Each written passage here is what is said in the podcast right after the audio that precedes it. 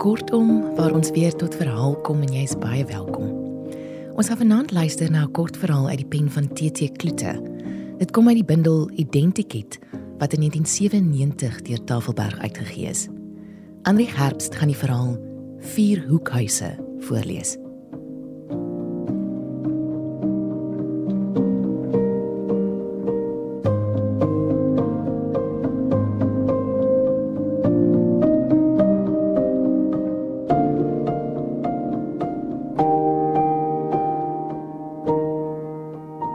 Elke dorp, veral 'n klein dorp, het sy vier hoekhuise oral daar waar die strate kruis. Sulke hoekwonings, oop aan twee kante, is meer blootgestel as ander. Hulle is baie gevoeliger. Op hoek nommer 1, die suidwestelike hoek, woon die Jamnekke. Die bure noem hulle die Nekke of Jamme. Die vyf kinders, seuns en dogters, later almal getroud, het op hul geboortedorp bly woon, naby hul ouers. Die Jamnek ouers en kinders en aangetroude kinders is almal baie geheg aan mekaar en kom graag saam, veral naweke. Onder mekaar praat die kinders van Ma Jam en van Pa Nek. Nek het op 'n dag op aandrang van die kinders vir die gesinsvermaak 'n videoapparaat gekoop. Sedertdien was dit gebruiklik dat die gesin naweke films kyk. Jam en Nek het self nie veel in die films belang gestel nie, maar hulle het gedink hulle doen iets goeds aan die kinders as hulle so 'n apparaat besit, soos alle ander huise wat hulle in hul dorp ken. Wat hulle nie geweet het toe hulle die ding gekoop het nie, is dat die kinders Saterdagaande net skietens kop gaan kyk, met die klank op sy hardste gedraai en dat hulle deurlopend tot in die vroeë Sondagoggendure gaan kyk. Nie net een film op 'n aand nie, maar 'n hele onheilige paar. Jam het elke keer beleefd, skynbaar vol genoegdoening, maar in werklikheid verveeld, tot laat in die nag bly sit en saam kyk. Maar Nek het op so 'n Saterdag aand meestal eers gaan stap en daarna gaan slaap.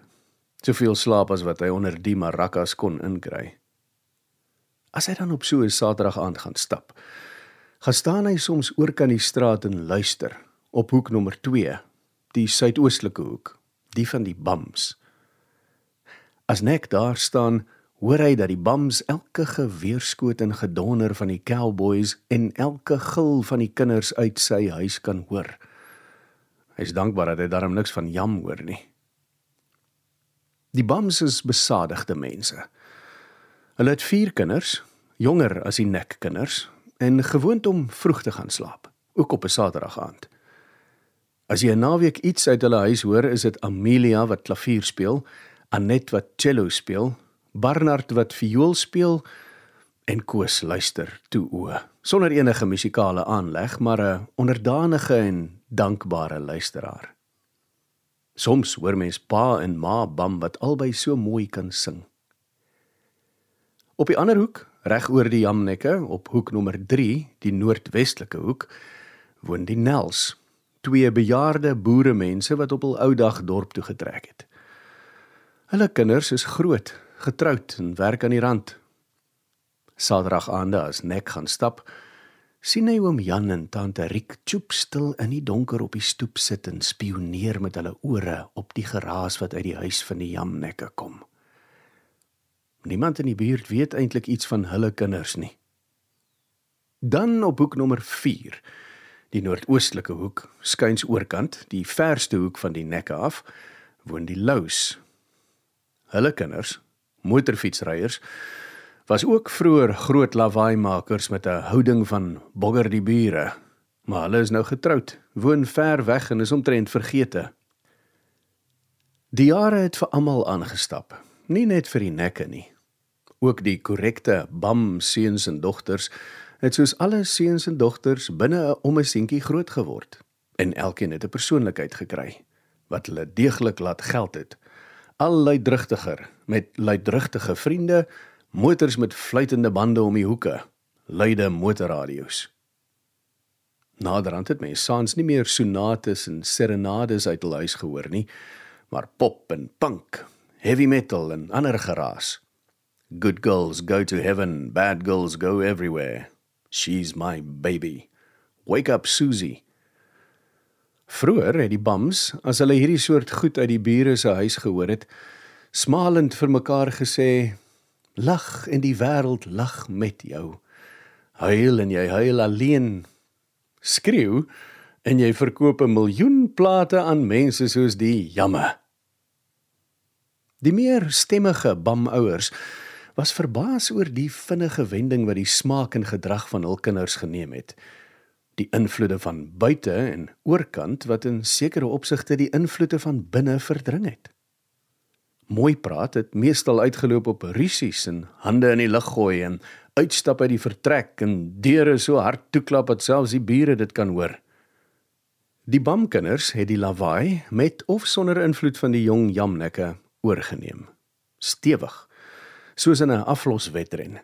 En hier en daar het hulle op die nekkesin van vroeër verbeter met nuwerwetser musiek en nuwerwetser bewoording. Daardie soort refreinliedere en musiek wat in die trompie hulle voorganger het, soos die bamouers nou sê. Toe, een Saterdag aand, die sondigste aand van die week, reël die bamkinders teen die sin van hulle ouers 'n groot huispartytjie met dans en wat nog. Dit het 'n nag geword. Die bamouers het nooit geslaap nie. Daar was ook versteekte drankies by in die motors buite in die straat. Teen dagbreek se kant besluit die bamouers om Sondagoggend met hul kinders te praat en hulle te vra om Maandag by die bure, veral die van die ander hoekhuise, verskoning te gaan maak. Pa Bam se gesprek Sondagoggend met die kinders is 'n mislukking.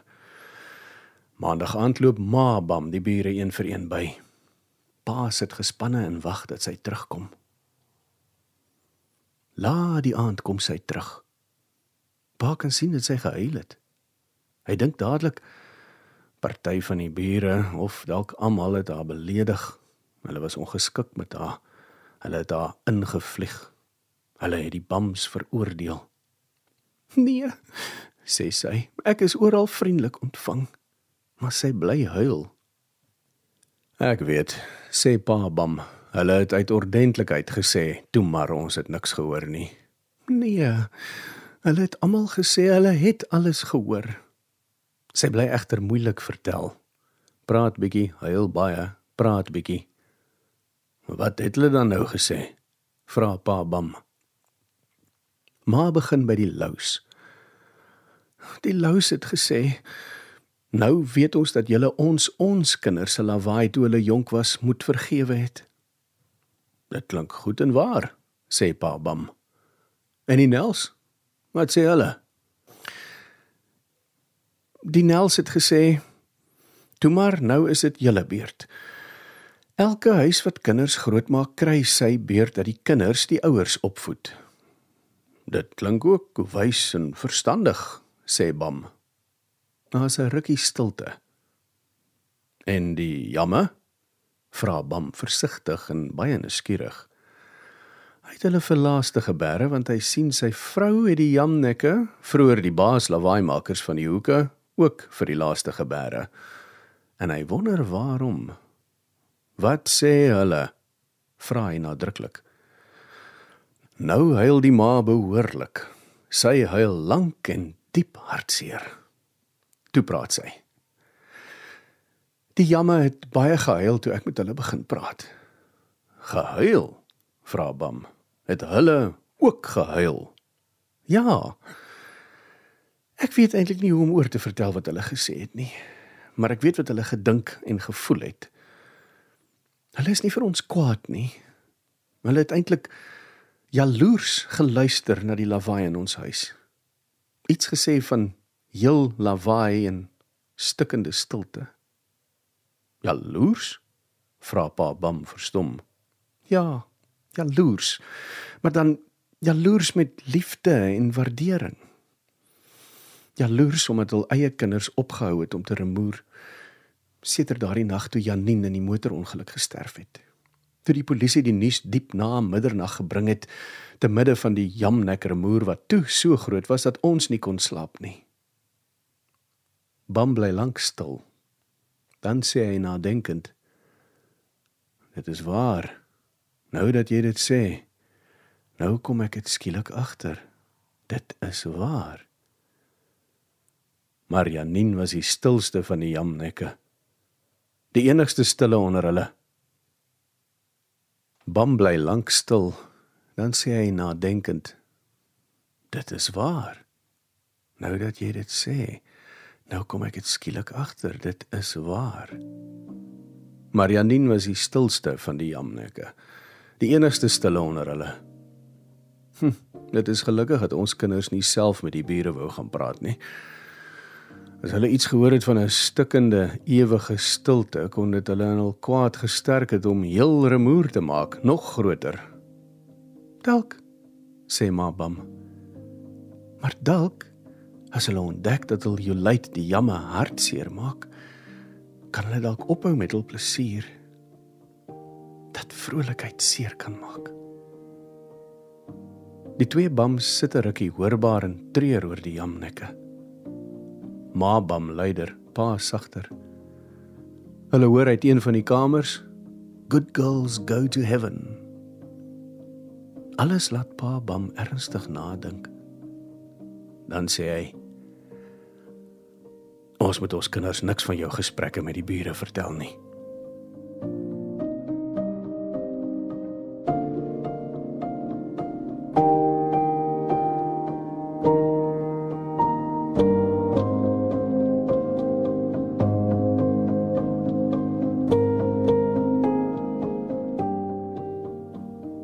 Dit was dan Vier Hoekhuise deur TT Kloete.